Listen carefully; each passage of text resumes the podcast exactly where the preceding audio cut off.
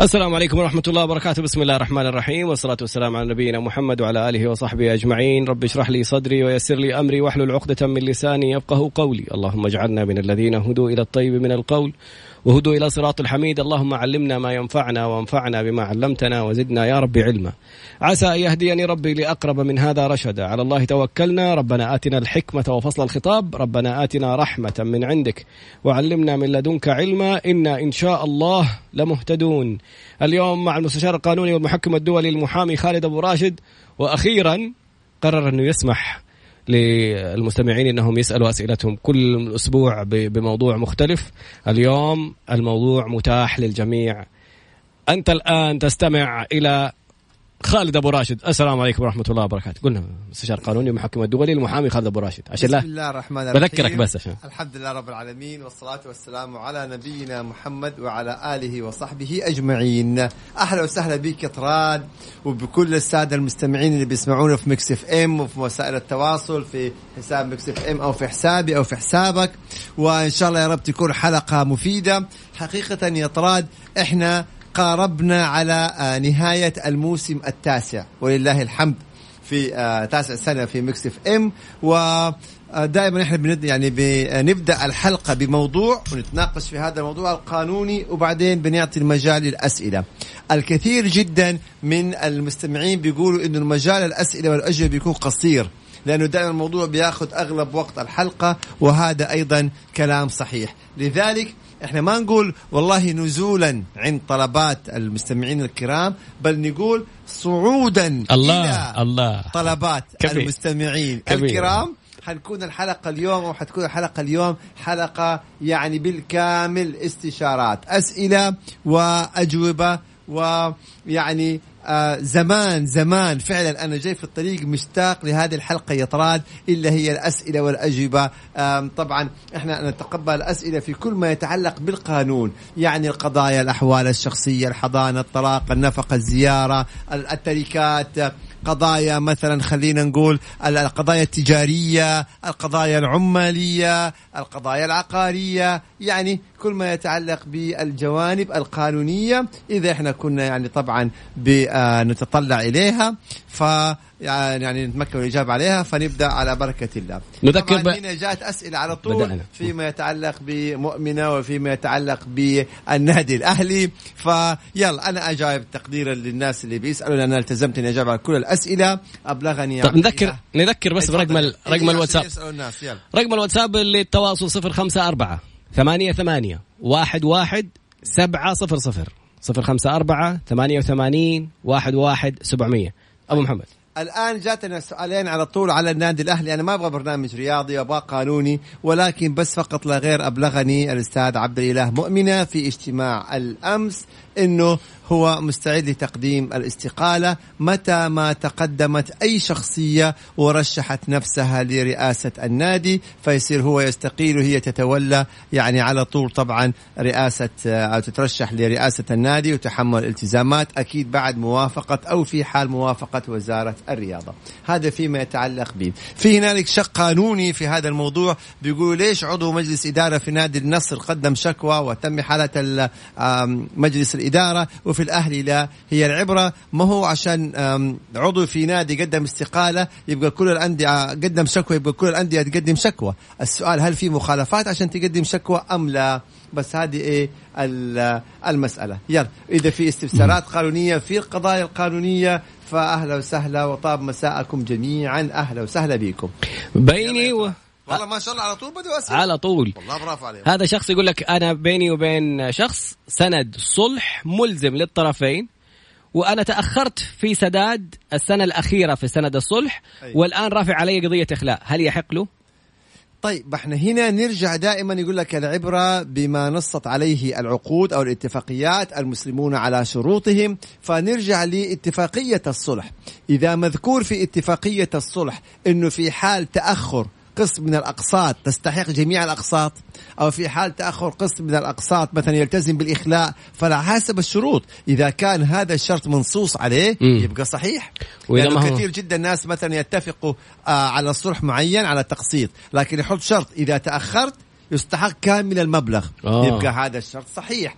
أو إذا تأخرت يبقى أنت ملتزم إنك أنت تخلي. مم. فإذا آه، تم يعني تنفيذ هذا الشرط أو تحقق هذا الشرط خلاص. لازم يكون موجود في السند. أيوه. لأنه في أحياناً- سند صلح. أي. السند صلح على اتفاقيه مثلا بتفاصيل بالضبط. يبقى خلاص يبقى بال... هي هي. ال- اللي ممكن تتحو... هل تعتبر كيدية إذا كان في مهلة من من محكمة التنفيذ يعني أنا محكمة التنفيذ أعطتني مهلة خلاص العبرة بمهلة محكمة التنفيذ أي. في هذه الحالة طبعا هذه جهة التنفيذ هذه جهة أقوى وهذا طيب هنا الآن وطلب طلب طلب سريع. قبل سؤال أي. طلب أستاذ خالد أبو راشد نتمنى ترشح نفسك لإدارة النادي طيب هو أكيد طبعا هذا آه، ثقة أنا أفتخر وأتشرف فيها ورئاسة النادي هي تكليف أكيد طبعا وتشريف في نفس الوقت ولكن بحكم مشاغلي سبق يطراد إنه عرض علي أترشح على مر السنين لرئاسة النادي لكن بحكم مشاغلي أكيد ما ما ما تمكنت من ذلك.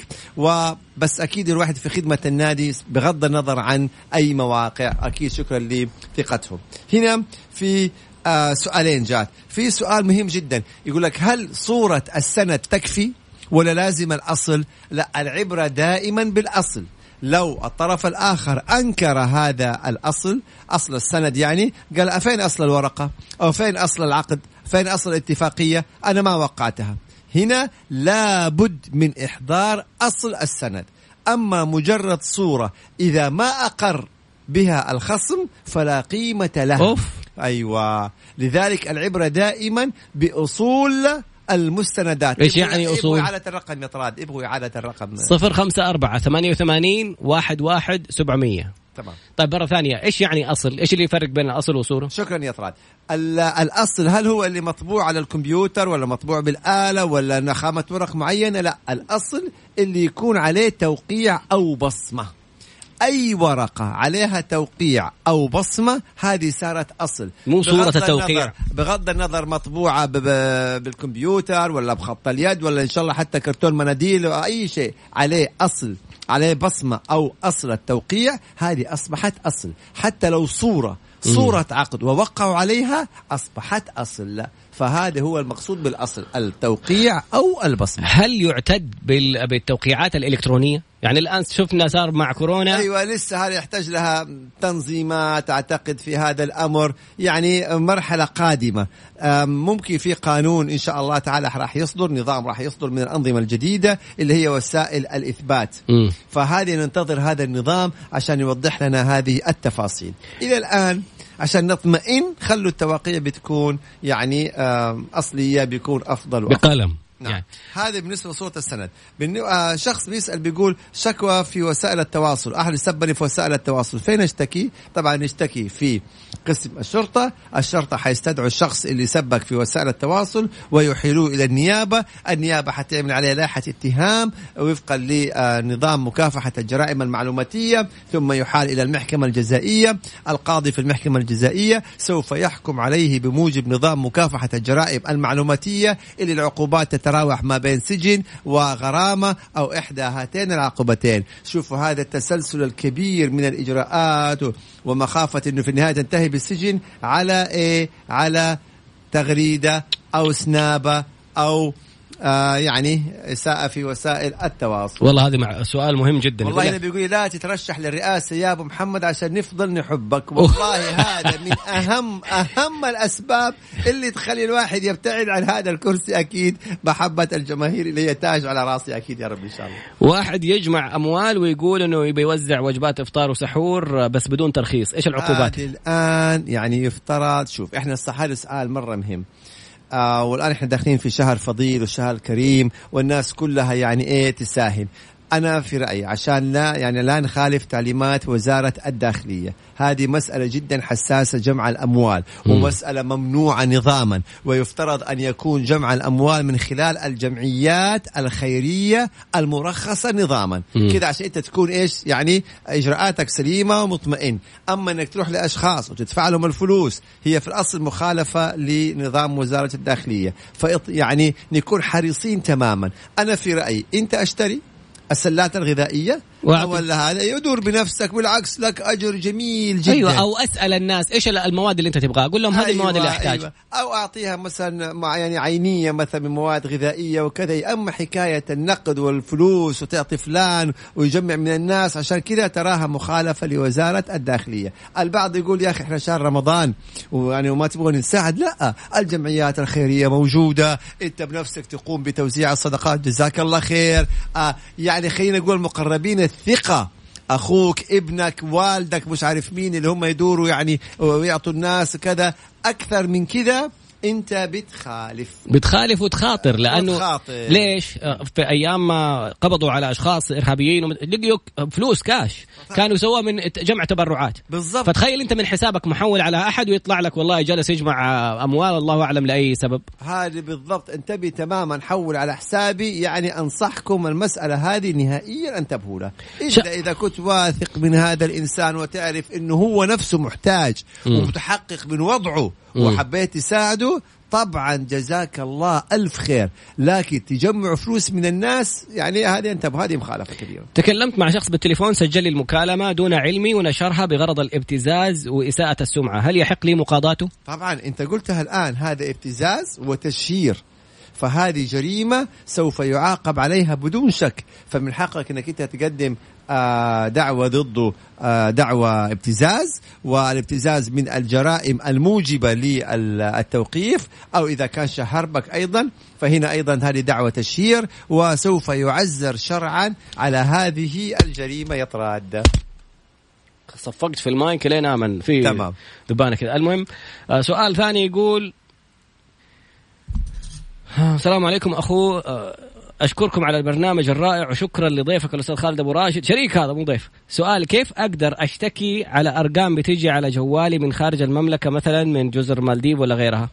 تجاهلها. اتجاهلها وأرسل لوزارة الاتصالات. أعتقد في آلية إنك ترسل فيها لوزارة الاتصالات فقط لا غير لأنه بتجينا فعلا كلنا. ما أعتقد أحد ما جاته من المالديف وما جاته حتى من أسماء يعني أنا ما أعرف إنها موجودة في العالم يعني. ف تجاهلها أو إنك تعمل بلاغ للاتصالات وخلاص يعني. والله سؤال جميل. إحنا عشرة إخوة ما شاء الله ورثنا تركة واحد مننا فقط يريد البيع. فحكم القاضي بالبيع. ونحن في فترة الرد والاعتراض على الحكم. ما هو الأمثل لتفادي البيع وما هي صورة البيع لدى التنفيذ عند تثبيت الحكم؟ طيب هنا أول حاجة خلونا نتفق من حيث الحقوق.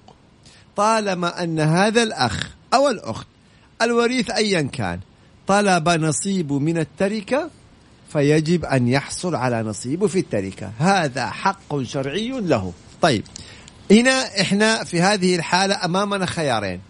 إما أننا نقيم نصيبه من جميع التركة. ونقول له تفضل هذا نصيبك نشتري منك. يبقى ده خيار جميل جدا. أو أحد الأخوان عنده القدرة أنه يشتري نصيبه يبقى ده كلام جميل. أما إذا ما أستطعنا أنه إحنا نشتري نصيبه فالقاضي حتما سوف يطلب الصكوك وسوف يحيلها إلى محكمة التنفيذ لبيع العقارات بالمزاد العلني. طب يعني عشان إحنا لا نستطيع أن نأتي لهذا الوريث الذي له حق في هذه التركة ونقول له والله ما نقدر نشتري نصيبك وفي نفس الوقت ما راح نبيع. إذا رفض طيب؟ مين اللي يرفض؟ الشخص هذا الوارث اللي يبغى يبيع يقول لك رافض إنك تشتري نصيبي. أنت خلاص طريق القضاء في الحالة هذه. القاضي يعني يعرض عليه يتم التقييم. إذا رفض وأصر على البيع يبقى أصر على البيع. ما يرفض من حقه يرفض حتى لو بشتري حصتك؟ ما طيب يمكن إحنا اختلفنا على السعر. يمكن أنت قيمت حصتي بسعر بخس. فهذه القافة هذه الحالة القاضي ممكن يعني إذا اتفقوا يتم تخيير أو تقييم حصته من قبل مقيم أهلا وسهلا لأنه ممكن يجيك أحد الورثة ويبخس الثمن. أي. لا خليه عن طريق المزاد وأنا آخذ نصيبي. فلذلك الأفضل إنكم تتفقوا معاه وتشتروا حصته لأنه إن أصر على نصيبه وإنتم ما عندكم القدرة إنكم تشتروا حصته ترى يعني البيع حيكون في المزاد. إلا إذا شفنا في يعني جزئية ثالثة. وهي إذا اتفقت على انه بدل ما يأخذ نصيبه نقدا يأخذ نصيبه عقار. يعني لو أفترضنا أنه تم تقييم حصته بمليون ريال وفي قطعة أرض تسوى المليون ريال فيجوا يقولوا له تعال إحنا كلنا نتنازل نفرغ لك القطعة هذه وبكذا تكون أنت أخذت نصيبك. إذا يعني تم الاتفاق الحمد لله. عندكم القدرة تشتروا نصيبه الحمد لله تمام. ما صار أي اتفاق؟ القاضي سوف يحيل التركه إلى فين؟ إلى محكمة التنفيذ يعني لبيعها بالمزاد. والله سؤال مهم محمد لأنه هذه تتكرر كثير. الآن إذا إذا تقيم المكان العقار ولا التركة وعرضنا عليه شراء حتى بأعلى من القيمة وبرضه رفض. القضاء خلاص. القضاء في الحالة هذه يعني إيش حيقرر يشوف هذه الحالة بس غالبا بيع. أوكي. كمان يسمعوا للشخص الواحد إذا رفض؟ إنه يباع؟ خلاص ما طبعا. طبعا ممكن أنا أشوف إنه هذا التقييم غير عادل وأنا أبغى نصيبي نقدا حق هذا حق هل البدلات تعتبر من الأجر أو الحقوق؟ وهل بامكاني المطالبة بالبدلات السكن والمواصلات بعد خروجي من الشركة بخمس سنوات؟ جزاك الله خير. لا بعد خروجك من الشركة بخمس سنوات قضي الأمر، قضي مم. الأمر ما لم ما لم يعني تقدم عذرا تقبله المحكمة. ليش؟ لأن النظام يقول أنه أنت يجب أن تتقدم بالدعوة خلال سنة من تاريخ انتهاء علاقتك العمالية. سنة من تاريخ استقالتك أو فصلك أو أيا كان. إذا عدت سنة الأصل أن لا تسمع لك دعوة. إلا إذا قدمت عذرا تقبله المحكمة. فما أعرف إيش ممكن يكون عذرك إنك أنت ما تقدمت خمس سنوات. إذا والله عندك عذر. قبلته المحكمة الحمد لله. هذا فيما يتعلق بالناحية الشكلية. فيما يتعلق بالأجر ومشتملات الأجر عرف نظام العمل. في باب التعريفات ما هو الأجر؟ والأجر اللي يدخل فيه كل ما يعني يحصل عليه العمل العامل نتيجة عمله. يعني يدخل في الأجر الراتب الأساسي وتدخل فيه البدلات ويدخل في الأجر أيضا النسب والعمولات. ما لم ينص العقد على استثناء النسب والعمولات من مكافأة نهاية الخدمة. كل هذه الأمور تدخل في الأجر في احتساب مكافأة نهاية الخدمة. يعني أنا لما أجي أعمل مكافأة نهاية الخدمة ما هو بس على الراتب الأساسي ولا فقط لغير لا أجي شهريا أنا إيش بأخذ؟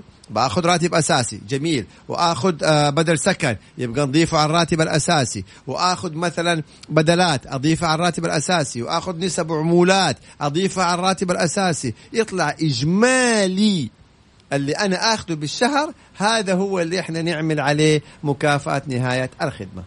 جميل. الآن العقود الجديدة فيها حاجة اسمها السكن إنه إثبات السكن. هل هذا يعني إنه لازم تكون على صاحب الشركة ولا على العامل؟ في العقود إثبات السكن. أي. يعني هو طبعا دائما كل شيء على صاحب العمل. يعني مم. الراتب على الأجر على صاحب العمل. أنا بعطيك بدل سكن. تجديد الإقامات على صاحب العمل. هنا إن أنا طبعا إما إني أعطيك بدل سكن أو إني أسكنك. بالضبط. تمام؟ يعني حسب هذا العقد طبعا لكن طبيعي كل هذه الأمور يعني يتحملها صاحب العمل. عندي بس اقتراح على معليش اطراد كثير يسألوا رقم التواصل عيد رقم التواصل. نعيده في كل فقرة كمان. 054 88 11 700 054 88 11 700 عندي اقتراح للشخص حق الورثة هذا اللي واحد منهم يبغى يبيع. اتفقوا مع مشتري إنه يدخل المزاد إذا كان في عندكم إمكانية زي ما أنتم عارضين عليه أكثر من القيمة الأساسية يشتري ويفرغ له العقار أنتم ارجعوا مرة ثانية حيتوزع لكم المبلغ ارجعوا اعطوه للرجل واشتروا حصة أخوكم فهمت. واضحه الحركة أبو محمد ولا مو أنا مالي دخل. أنت تدي الحلول اللي هي إيش؟ اقتراح لأن التكتيكية يعني. أيه. أوكي أحد خلي أحد يدخل عنده قدرة يشتري العقار ولما يفرغ لكم كل شيء تجيكم فلوسكم أرجعوا مرة ثانية رجعوا للرجال فلوسه و... واشتروا بها حصة أخوكم طبعا. نكرر. واحد بيقول جاتني الرسائل سب على الواتس. كيف أشتكي؟ على قسم الشرطة. قسم الشرطة تقدم الشكوى تصور هذه الرسائل بالرقم. يعني ما تقول له مثلا شوف جاتني من من بالاسم أنت مسجل آه، باسمه. لا. شيل الاسم خليها برقمه. وصور الصورة وقدم الشكوى على قسم الشرطة مباشرة. وأب يقول ابني تقدمت ضده شكوى إنسانة قدمت ضده شكوى بابتزاز. وجانا شخص يدعي إنه محامي ويطلب مبلغ عشان تتنازل عن هذه الشكوى وكل مرة يرفع المبلغ ويغير المبلغ. طبعا هنا نتكلم إحنا عن محاولات الصلح. أول شيء لما أنت ذكرت إنه يدعي إنه محامي عن هذه السيدة أنت من حقك إنك تطلب صورة الوكالة. لما يأتيك إنسان يقول لك أنا محامي فلان مثلا أول سؤال تسأله هو أو طلب تطلبه منه أعطينا صورة الوكالة. آه. عشان تتحقق إنه هو فعلا محامي. هذا رقم واحد. اثنين مسألة التفاوض وهذا حق مشروع لمن تقدم بالشكوى. بمعنى أنا اليوم قدمت شكوى ضدك لأنك سبيتني لأنك ضربتني لأنك قذفتني لأنك كذا. فممكن في هذه الحالة إنه تكون في محاولات للصلح. والله أنا ممكن أحصل على مبلغ معين مقابل إني يعني آه أتنازل عن هذه الدعوة. يبقى هذا حق مشروع للطرفين. بس يقول ما في أي إثبات على ولده. يعني خلي الدعوة تمشي. يبقى ارفض في هذه الحالة وخلي الدعوة تستمر. ووضح إنه لا توجد أي إثباتات وتنكر هذا الأمر. هنا البعض بيقول ليه ما طبقوا نظام العمل الخاص بدولة يعني دولة خليجية؟ طبعا خلونا نتفق إنه لكل دولة قوانينها ولكل دولة أنظمتها وفقا لما تراه يعني مناسب وفقا لظروفها. فكل دولة لها قانون ولها نظام ولا يصح تطبيق نظام نظام دولة في دولة أخرى. لأن هذه سيادة تتعلق بسيادة كل دولة من الدول. نحن ورثة وكلنا وكيل عشان يستخرج لنا الصكوك آه، يستخرج لنا تعويضات على بعض الصكوك. هو بدوره وكل محامي. المحامي طلب أصل الصكوك. وله ست سنوات ما سوى لنا شيء. لما قلنا له رجع لنا الصكوك قال أتعابي هل يستحق أتعاب ولا هنا نرجع نعم هنا نرجع في جزئية العقد اللي بينهم وبين المحامي. إذا أخل المحامي ب آه هذا العقد من حق العميل أن يتقدم بدعوة إلى المحكمة بطلب فسخ هذا العقد وطبعا استلام جميع أصول الصكوك. إذا أخل المحامي بالعقد فهنا نرجع بإيش؟ بجزئية العقد المبرم بين الطرفين. أنا شغال في شركة لي 11 سنة. هل الحقوق تعطى على كامل الراتب أو على الراتب الأساسي؟ إحنا شرحنا هذا تفصيلا. قبل شوي. ونعيد ونقول إنها تعطى على كامل الأجر. يعني الراتب الأساسي والبدل السكن والبدلات والنسب والعمولات على كامل الأجر. وطبعا نتكلم عن آخر أجر وليس بداية أجر. هذه ما يفهم هنا بيقول كيف يمكنني تحريك الحكم التنفيذي الذي تأخر سنتين بدون مشكلة واضحة؟ ما يعني ما يحتاج لك عذر طالما أنت عندك حكم نهائي قدمه على محكمة التنفيذ و يتم تنفيذ هذا الحكم من خلال إيقاف خدمات من خلال منع السفر حتى وإن كان صادر الحكم من سنتين أو ثلاثة أو أربع سنوات ما فيها شيء. يعني يقدم الحكم التنفيذ ما يسقط بالتقادم في سؤال ما فهمته بس يمكن كمحامي انت تلقط المعنى ده. حكم إصدار الحكم بدون انتظار الخطاب من الجهة المختصة للعلم بأن هذا الخطاب هو أساس أو محل الدعوة. إصدار الحكم؟ أيوة. أصلا إذا في حكم صدر ما تحتاج أي خطابات أو أي كذا. إذا صدر حكم أنت بتقول صدر الحكم. الحكم هذا هو اللي تاخذه وتقدمه على التنفيذ. فما أعرف إيش المقصود بخطاب. خلاص الحكم يلغي ما قبله بالكامل. هذا حسب يعني إحنا فهمنا يعني. تم رفع قضية تشهير علي ولم وتم التحقيق معي ولم يثبت علي شيء وتم حفظ القضية. والآن تم رفع قضية علي من المحكمة الجزائية من قبل المدعي. طبعا هنا في هذا سؤال مهم جدا. دائما أحيانا في بعض القضايا الجنائية في حق عام وحق خاص. فتقوم النيابة بالتحقيق فيما يتعلق بالحق العام. فإذا ما ثبت للنيابة آه، جريمة أو مثلا فيها حق عام ففي هذه الحالة تقوم النيابة بحفظ الشكوى. وتعطيك رقم لهذا الحفظ وتقول لك في الحق العام تم حفظ هذه الشكوى ما ثبتت عدم كفاية أدلة فيتم حفظها في الحق العام. ومن حقك إنك أنت تتقدم في الحق الخاص. قد في الحق الخاص يعني يكون في مسألة أخرى أو تكون مثلا المخالفة فيها حق خاص ما فيها حق عام. يبقى لكن يقول لك إحنا في الحق العام مثلا ما ثبتت لدينا الجريمة. خلاص. طب الآن هذا لما أنا أداني رقم أنها حفظت لأنها أيوة. ما ثبتت. أقدر أنا أرجع على اللي اشتكاني دعوة كيدية؟ هنا طبعا الدعوة الكيدية لها معايير. إحنا هنا نفرق هل ما ثبتت لعدم كفاية الأدلة؟ معناها في يعني في آه، مؤشرات في شبهة ولكن الأدلة غير كافية. هنا صعب نقول إنه هي كيدية. أما إنه حفظت لأنه أصلا فعلا يعني ما, ما في فيش ولا أي شيء يدل على وقوع هذه الجريمة. هنا ممكن إحنا نعتبرها شكوى كيدية. هل يحق لمحقق النيابة بحجز الجوال رغم أنه أفرغ عنده لعدم وجود أدلة تدينه؟ طبعا هنا هذه صلاحيات عضو النيابة. هذه الصلاحية هو الوحيد الذي يحق له آه يعني آه تفتيش الجوال وما يسمى تفريغ الجوال فهذا حق من حقوق عضو النيابة أكيد. الفقرة القادمة أرقام التواصل صفر خمسة أربعة ثمانية وثمانين واحد واحد سبعمية صفر خمسة أربعة ثمانية ثمانية واحد واحد سبعة صفر صفر. بعد قليل نتابع إن شاء الله.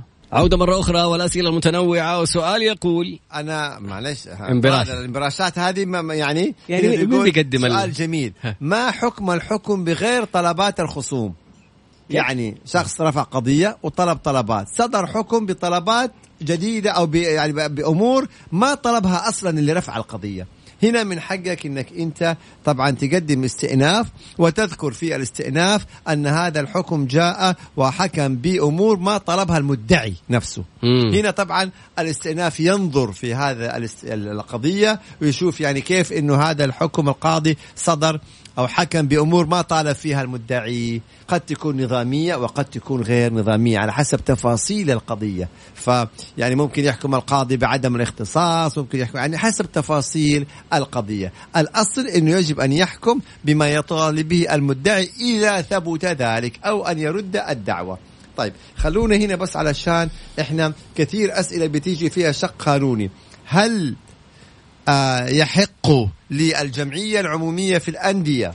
إقالة الرئيس هل يحق للجمعية العمومية في الأندية حل مجلس الإدارة؟ خلونا نتفق بموجب اللائحة الأساسية للأندية الرياضية أنه لا يحق للجمعية العمومية إقالة الرئيس لا يحق للجمعية العمومية حل مجلس الإدارة. السؤال الثاني هل يحق للوزارة؟ نعم يحق للوزارة اللي هي وزارة الرياضة إقالة الرئيس يحق لوزارة الرياضة حل مجلس الإدارة ولكن بناء على أسباب يعني لابد تكون في تجاوزات مخالفات مثلا قام بها الرئيس أو قامت أو قام بها مجلس إدارة فهنا طبعا إيش في هذه الحالة يتم يحق للوزارة إنه هي آه، تحل مجلس إدارة أو تقيل الرئيس كما حصل يعني مؤخرا في إحدى الأندية هذا فيما يتعلق بالشق القانوني الخاص بالأندية الرياضية والله اليوم. كم سؤال ماني فاهم منهم حاجة يعني أستاذ.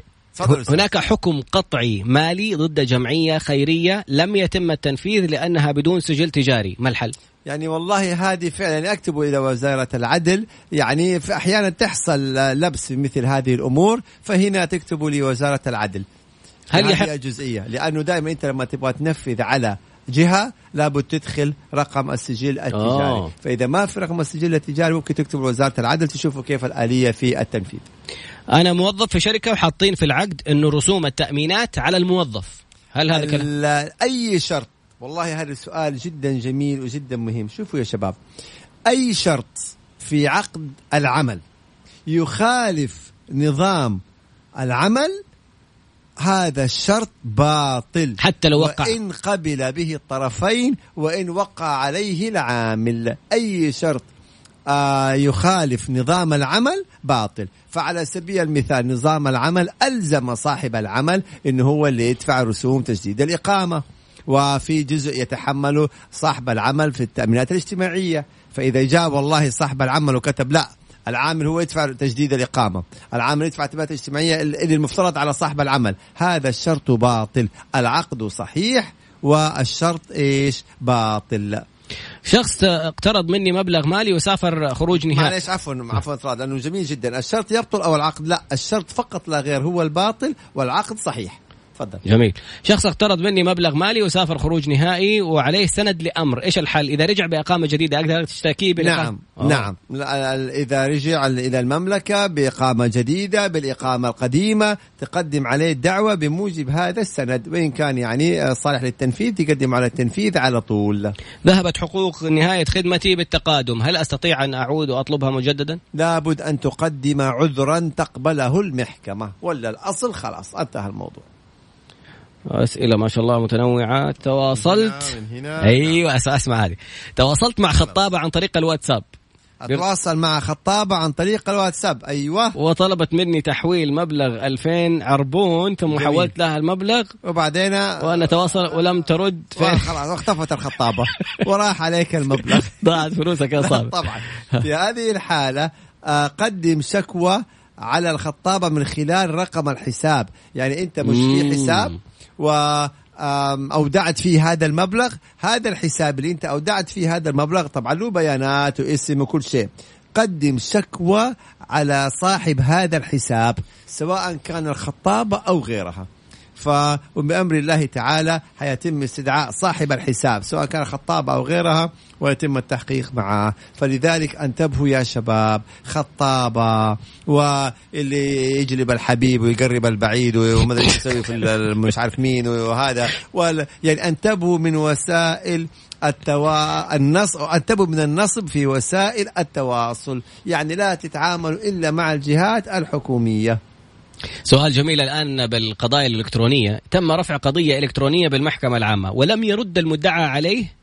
حتى الآن. وتاريخ إغلاق الجلسة 15 شعبان. هل سيتم الحكم إذا لم يرد المدعى عليه؟ يعود هذا لفضيلة القاضي والأصل إذا فضيلة القاضي أعطى فرصة أو منح مدة معينة للرد وما رد هذا الطرف خلاص فضيلة القاضي يعني يسير في القضية أو ينظر في القضية بغض النظر عن أنه هو ما رد لأنه أعطاه المهلة النظامية. وما رد يبقى هذا تقصير وتفريط من هذا الطرف. القاضي ينظر القضية فإن كانت مهيئة الحكم يحكم في القضية حتى وإن ما رد الطرف الآخر لأنه أعطي مهلة وما رد خلالها. خلاص. تماما مثل ما لو تم تبليغه عن طريق أبشر وما حضر. تنظر القضية. فانتبهوا يا شباب. إذا في محامي أشتكى على محامي. مين يحامي عن المحامي؟ محامي. الحبحب بالصورة تم إنهاء عقدي و... وأنا كنت على ساند ستة أشهر. وقالوا لي على المادة 77 لك راتب شهرين. هل الإجراء صحيح؟ مين هم اللي قالوا؟ له الشركة كيف ساند وكيف تم يعني؟ أنا ما أعرف حقيقة إنما نظاما إذا أنهوا عقد عمله مم. على المادة 77 تمام؟ يبقى هنا التعويض ننظر إليه من شقين. هل يوجد في عقد العمل شرط جزائي في الفسخ؟ يعني إذا ب- في بعض العقود بتكتب إنه إذا تم فسخ العقد التعويض عبارة عن شهر شهرين ثلاثة شهور. إذا منصوص في العقد هذا الشرط يبقى العبرة بهذا الشرط. إذا ما كان منصوص في العقد هذا الشرط يبقى نطبق المادة 77 إلا هي إذا كان محدد المدة يندفع تعويض إلى نهاية العقد. إذا كان غير محدد المدة يندفع نصف شهر عن كل سنة من سنوات الخبرة بحد أدنى شهرين. هذا يعني إيه فبالتالي هذا السؤال نقول له هل مكتوب الكلام هذا في عقد العمل؟ يبقى العبرة بما هو مكتوب. مش مكتوب العبرة بما نصت عليه المادة 77 في يعني معلومة مرة مهمة يا شباب. العبرة بنظام العمل وليس بما يقول صاحب العمل. مم. كثير يقولوا والله طب هم قالوا كذا في الشركة الشركة ما أعطتني كذا. العبرة بنظام العمل. قرار الشركة أو قرار المؤسسة ما يتوافق مع صاحب مع نظام العمل قدم شكوى في نظام العمل. نرجع تاني للجمعيات العمومية وفي سؤال أتكرر. طيب هل يحق للجمعية العمومية إسقاط عضوية العضو للجمعية العمومية؟ نعم يحق للجمعية العمومية إسقاط عضوية عضو الجمعية العمومية. هذه من صلاحيات الجمعية العمومية ولكن يجب أن تكون هنالك أسباب لإسقاط العضوية. شركة سيارات ترفض التأمين للتابعين. ما الحل؟ يعني إيش تابعين؟ قصده الأولاد والزوجة وكذا؟ مش دخل شركة السيارات. يعني هو الظاهر إنه موظف في شركة ما سيارات عندي تفاصيل. يعني ما, عندي. ما هو إلزامي. أنا امن عن الموظفين. أي أنا حسب العقد اذا أي حسب العقد. عشان كذا ما عندي تفاصيل في هذه ال- الجزئية. صدر لي حكم بالمحكمة الإدارية واستأنفت الجهة الإدارية لدى محكمة الاستئناف واستأنفت آه، لدى مم. محكمة الاستئناف. تم الحكم بالتصدي ورفض الدعوة. السؤال دعوتي الأساسية أم دعوة المستأنف؟ ما هو إحنا الآن ما إحنا عارفين إيش؟ الأحكام اللي صادرة أنت فهمت المعلومة اللي ولا يعني إيوه يعني بيقول لك التصدي للدعوة، التصدي للدعوة مقصود فيها إنه انظر الدعوة يا محكمة ابتدائية. لما أنا مثلا إذا افترضنا إنه يقول المحكمة الابتدائية حكمت برد الدعوة مثلا آه. وأستأنف الطرف، فجيت أنا كمحكمة استئناف قلت لا والله أكتب للمحكمة الابتدائية أقول لها لا أنظري هذه القضية. أوكي تصدي لهذه القضية، م- هذا يعني بصفة عامة، ما. نعرف تفاصيل الأحكام إيش اللي مكتوب فيها. يعني هنا هل يوجد تعويض عن فترة تأخير الحكم التنفيذي؟ لا يعني أنت ممكن ترفع دعوة تعويض ضرر هذه دعوة مستقلة لأنه تنفيذ الأحكام بتكون في أول إجراء منع آه، إيقاف الخدمات، الإجراء الثاني منع السفر، الإجراء الثالث أن يدخل قاضي التنفيذ على الحسابات ويطلع على كتابة عدل العقارات عشان يعني إيه ينفذ بما يكفل سداد المبلغ، هذه الإجراءات تقوم بها محكمة التنفيذ، إذا أنت متضرر خلينا نقول بمماطلة أو مثلا سببت لك هذه التأخير أو هذا الوقت سبب لك ضرر ترفع قضية تطلب بتعويض عن هذا الضرر. هنا ينظر في هذا الأمر. ومعلومة مهمة جدا جدا. معلومة مهمة جدا جدا. يحق لقاضي التنفيذ أن يحيل المماطل في تنفيذ الأحكام إلى النيابة. والنيابة تعمل لائحة اتهام وتحيل إلى المحكمة الجزائية ويصدر عليه حكما بالسجن. أنتبهوا أنا ذكرت إحدى القضايا أن شخصا يعني ماطل في تسليم الإبن في الزيارة. القاضي حول على مودة كتبت فيه تقرير أنه هذا ماطل القاضي التنفيذ حولوا على النيابة. النيابة على حو... آه، عملت عليه لائحة اتهام بشأنه. حولته على المحكمة الجزائية. المحكمة الجزائية حكمت عليه بثلاثة أشهر سجن. واو. والاستئناف أيد هذا الحكم وهو الآن يقضي عقوبة السجن. فاليوم البعض يقول يا أخي خلينا ماطل في التنفيذ. لا أحضر أحرق دمها أزعلها. أكثر. نعم يحق لقاضي التنفيذ أن يحيل الشخص اللي إذا رأى انه هو مماطل إلى محكمة التنفيذ. فانتبهوا من جزئية المماطلة. ترى ما هي شطارة ولا هي إمعان في يعني آه إرهاق الطرف الآخر. لا لا ممكن تتحول كمماطلة. أنا م... انتبهوا لها من هذه الجزئية. أنا مقدمة شكوى على شخص بسند أمر صادر من نافذ طبعا مصدق الكترونيا وتم إيقاف خدماته بس يرسل لي أشخاص مرة كفيله ومرة محامي وكل مرة يتهموني بالنصب والإحتيال. إيش الإجراء المتخذ ضدهم؟ جميل جدا. إذا عندك ما يثبت بشهادة اثنين شهود إنهم اتهموك بالنصب والاحتيال على طول شكوى على الشرطة ومن ثم المحكمة الجزائية. أي إنسان يتهم إنسان بالنصب والاحتيال هذه جريمة في حد ذاتها يعزر عليها شرعا بالسجن أو الغرابة أو العقوبتين مع بعض. قدمت طلب طلاق بعد الخلوة لمدة طويلة ولكن قبل الدخول هل يحق لي استعادة المهر؟ يعني هنا إذا ما إذا ما ثبت الدخول ممكن يكون نصف المهر. وطبعا نرجع كمان نشوف عن سبب الطلب. ممكن تكون أنت اللي تسببتي ففي هذه الحالة ما حيكون في مهر. أو إذا هو اللي تسبب ممكن يكون في آه, آه ما دخل عليها. امم وبالتالي بس خلوة. يعني اختلى بها بس ما دخل عليها. أيوه وبالتالي هو اللي رافع دعوة. أي. هنا ينظر عن الأسباب. مم. ينظر إلى الأسباب. إنما دائما إحنا بنقول ممكن إعادة المهر ممكن نصف المهر ممكن ولا شيء على حسب الأسباب اللي في الموضوع. بعد خليل نتابع الموضوع ممتع ومعلومات جديدة. لنا تسع سنين. اطراد متابع الظاهر حطوا تطلع أسئلة تسع سنين كلها جد. تسع سنين وفي أسئلة أول مرة أسمعها. ما شاء الله. بعد خليل نتابع إن شاء الله. عدنا في فقرتنا الأخيرة اللي بيكتب لخالد أبو راشد في في تويتر أقرأ السؤال. طب هو شاف آخر محادثة ما هو عارف السؤال فين القديم. فأرجع اكتبوا له مرة ثانية. طيب. إذا تبغى تواصل يعطونا رقم سريع 054 88 11700 054 88 11700 تمام. يقول وين سؤالي لو سمحت؟ والله يا محمد أنا بحاول يعني قدر الإمكان. من الجوال الخاص فيني؟ والجوال الخاص في ميكس اف ام وانبراشات طراد وانبراشات أخونا طراد حبيبنا الواتس وأسئلته. أحاول قدر الإمكان ثلاثة في واحد قدر الإمكان. طيب هنا بيقول هل عدم النفقة صورة من صور الإيذاء؟ نعم لأنه نظام الحماية من الإيذاء أوجب على آه خلينا نقول مثلا الولي أو على الزوج أو الأب أن ينفق على أبنائه وأيضا الطب والعلاج والتعليم. فإذا قصر فيما يتعلق بالإنفاق أو بالعلاج أو بالتعليم ممكن تكون صورة من صور الإيذاء. طيب إيش الفرق؟ الفرق أنه إذا ثبت أن هذا إيذاء ففي هذه الحالة طبعا حيعاقب بموجب العقوبات اللي في الحق العام اللي نص عليها الحماية من الإيذاء التي تصل إلى سجن وتصل إلى غرامات بخلاف الحق الخاص. فهذا سؤال دقيق جدا. السؤال الثاني الورثة. إذا كان من ضمن الورثة قاصر هل يحق لهم البيع؟ عن طريق القضاء. يعني إذا جاء شخص يبغى يشتري عمارة والعمارة هذه يملكها ورثة والورثة قاصر أقل من 18 سنة لابد يتم تقديم طلب إلى المحكمة والقاضي يدرس هذا الطلب البيع فإن وافق القاضي تم البيع وإن كان له ملاحظات يبقى ملاحظات يبقى إذا فيها قاصر لازم عن طريق المحكمة إذا ما فيها قاصر الورثة يبيعوا مباشرة. طيب.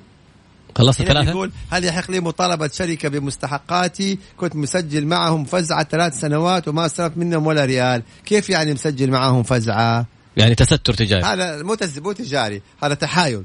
فيعني هذه جزئية ينظر فيها القضاء لأنه الأصل إيش؟ يعني فيها تحايل. شكله الرجال انزنق عليه ولي. نعم عليه ولي ولكن حتى الولي لا يحق له بيع أملاك القاصر إلا من خلال الرجوع إلى القضاء.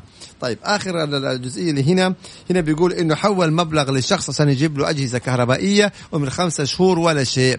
ترفع قضية عليه وتطالب بإعادة المبلغ في المحكمة العامة وتقدم طبعا الحوالة ورقم الحساب وكل شيء من هذه الأمور الأمور الأمور. نعم. في الأخير الظاهر مع الجوع. أم أم عبد الرحمن تقول يزعم شخص أن لنا تعويض في الم... يزعم. كلمة دقيقة يا عبد الرحمن. برافو عليك. و... وتصريفة جميلة للتكريجة السابقة. أي. طيب يزعم أشخاص أن... طيب. ركزوا يا محمد. يزعم أشخاص أن لنا تعويض في المالية مطابق لاسم الجد ويدعون أن عندهم صك بذلك، كيف يمكن التثبب التثبب؟ شوف ربنا. سريع سريع. ما حعلق ما حعلق تفضل يا طلال. كيف يمكن التثبت؟ والله أم عبد الرحمن مدرسة لغة عربية. إيه. كيف يمكن التثبت من صحة الادعاء بطريقة سليمة من خلال المالية؟ تروح لوزارة المالية؟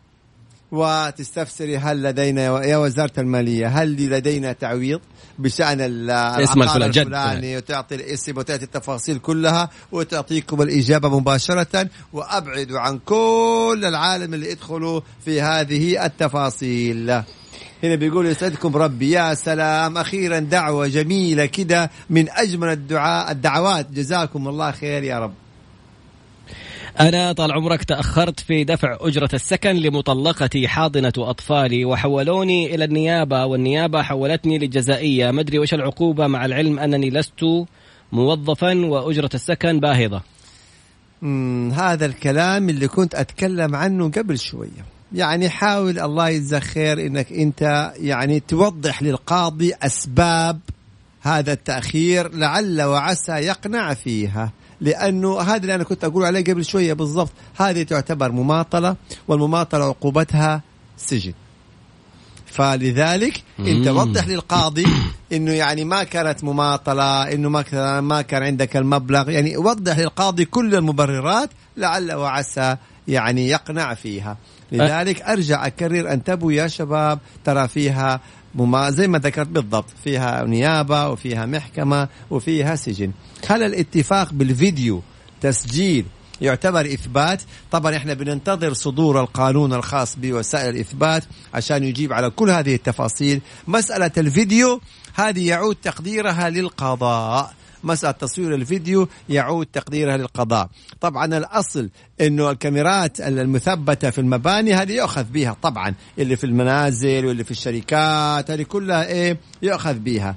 أما أنه فيديو خاص بين طرفين القضاء ينظر. يعني إن قبل به أو ما قبل بها. هنا في يقول ساحب علينا. لا والله يا غالي مو ساحب عليكم بس أحاول أجمع الأسئلة قدر الإمكان. لو تقدمت لمكافحة الفساد بشكوى في موضوع شائك وتبين أن لا دليل على المدان أو المدعى عليه هل هل علي لا يعني. بقول لك قدم مبالغات. إذا م. أنت وجدت المسألة يعني آه، تستوجب ذلك قدم البلاغ والهيئة تتحقق. وما علي أنا شيء. لا إن شاء الله لا انت بلغ والهيئة تتحقق. أنا متعاقد مع شركة مع وزارة ولم يكن في العقد بدل سكن وهذا يخالف لائحة نظام العمل. ولم يصرف لنا بدل سكن. هل يحق لي رفع قضية على الوزارة؟ شيء هو بيقول متعاقد مع وزارة. ربما يقصد إنه متعاقد يعني على نظام العمل لأن الأصل موظفي الوزارة على نظام الخدمة المدنية. آه حكومة. ولكن لو كان إنه يعني فعلا على نظام العمل هم العقود ومش نظام العمل ما ما نص على سكن. إنما اللائحة إذا تقصد فيها سكن نعم تستطيع أن تقاضي تطالب بموجب اللائحة أو بموجب عقد العمل. آه طيب هل يحق لأحد الورثة كف يد أحد الورثة عن عقار صدر عليه حكم تنفيذ بيع بالمزاد؟ أيوة طبعا. إذا صدر عقار بيع بالمزاد يبقى خلاص انتهى الموضوع. هنا بيقول على الأجهزة الكهربائية فين أقدم الشكوى إن الشرطة رفضت. نعم أنت طالما دفعت مبلغ وما حو ما جاب لك الأجهزة الكهربائية هنا ما تقدم على الشرطة تقدم على محكمة على المحكمة العامة. حتى طلعت تسألني فين يقدم في المحكمة العامة. تأخذ صورة الحوالة وبيانات خصمك وترفع قضية في المحكمة العامة فيحكم عليه القاضي بإعادة المبلغ. والله سؤال جميل. مديري في العمل صور عملي وارسله لجروب العمل دون موافقتي. هل تعتبر من جرائم المعلوماتية؟ صور العمل؟ إيش يعني صور العمل؟ ما أعرف. يعني هو طبعا هنا الأصل إنه آه إذا أنت صورتني أنه نشرت صورتي هذه جريمة معلوماتية. بدون إذني. بدون موافقتي. صورت أمور خاصة فيني ونشرتها جريمة معلوماتية. فهنا أنا ما أعرف إيش المقصود بصور العمل. قد يكون من طبيعة العمل يعني أحيانا إحنا مثلا في نشكل فريق عمل. مم. وبالتالي الخطابات المراسلات القرارات نتداولها كفريق عمل. يعني فهنا لابد نفهم إيش اللي بالضبط نشره. لأنه أحيانا وهل ممكن نشره بالناس أصحاب ولا في فريق العمل. آه يعني لا نشره في group العمل. فاحيانا يكون group العمل عملك غالبا عمل يعني. عملك نموذجي. بس هل صاحب هذا النشر استهزاء سب شتم أيوه سخرية؟ ممكن. نعم نعم. مم. لأنه حتى وإن كان هذا العمل غير صحيح تصدر عقوبة. صدر عقوبة خصم من الراتب مخالفة كذا لكن ما تستهزئ ابدا. هل يوجد محامي تتكفل به الحكومة؟ نعم. كثير جدا من القضايا الدولة آه، تكفلت بالمحامين والله. يعني حتى في قضايا الإرهاب على مم. سبيل المثال آه، المتهمين بالإرهاب كذا الدولة آه، تكفلت لهم بمحامين يتولوا الدفاع عنهم يعني نعم مساء عليكم بالخير الغاية من النشر برافو عليكم. الغاية من النشر يعني هل هو هنا جروب عمل؟ هل مثلا الغاية من النشر توضيح الأخطاء؟ يعني من باب الفائدة حتى ما تتكرر. يبقى ده ما عليه أي حاجة. أما إذا كان سخرية وتشهير وإساءة يبقى دي جريمة معلوماتية. جروبات الواتس. جرائم معلوماتية. جروبات ال- اللي ينشر شيء في group كأنه في تويتر كأنه في سناب في العام. جريمة معلوماتية. انتبه. واللي تقول لي امزح سبيته من سبك حبك. اي من سبك حبك هذه تدخلك السجن. أيوه. أنا من متض- متضرري الصندوق وكان على علي أه؟ كانوا على مادة معينة وتم تغيير هذه المادة على حسب قرار مجلس الوزراء. هل يتم تغيير وضع القضية من تاريخ القرار؟ أو تستأنف؟ أنسى موضوعي في هذا السؤال لأني تهت. أوكي ثاني مرة. كان في صدر قرار من مجلس الوزراء. طيب. فتغير موضوع وأنا عندي قضية ما قبل القرار. هل يعتبر القرار آه. ساري على قضيتي؟ أيوة. على حسب نص القرار. مم. الأصل لما تصدر قوانين جديدة القوانين الجديدة تكون ما تكون بأثر رجعي تكون بإيه؟ من تاريخ صدورها أو من تاريخ نشرها. آه هنا أنت تقول صدر قرار طيب على ماذا نص القرار؟ هل القرار نص بأثر رجعي أو في المستقبل؟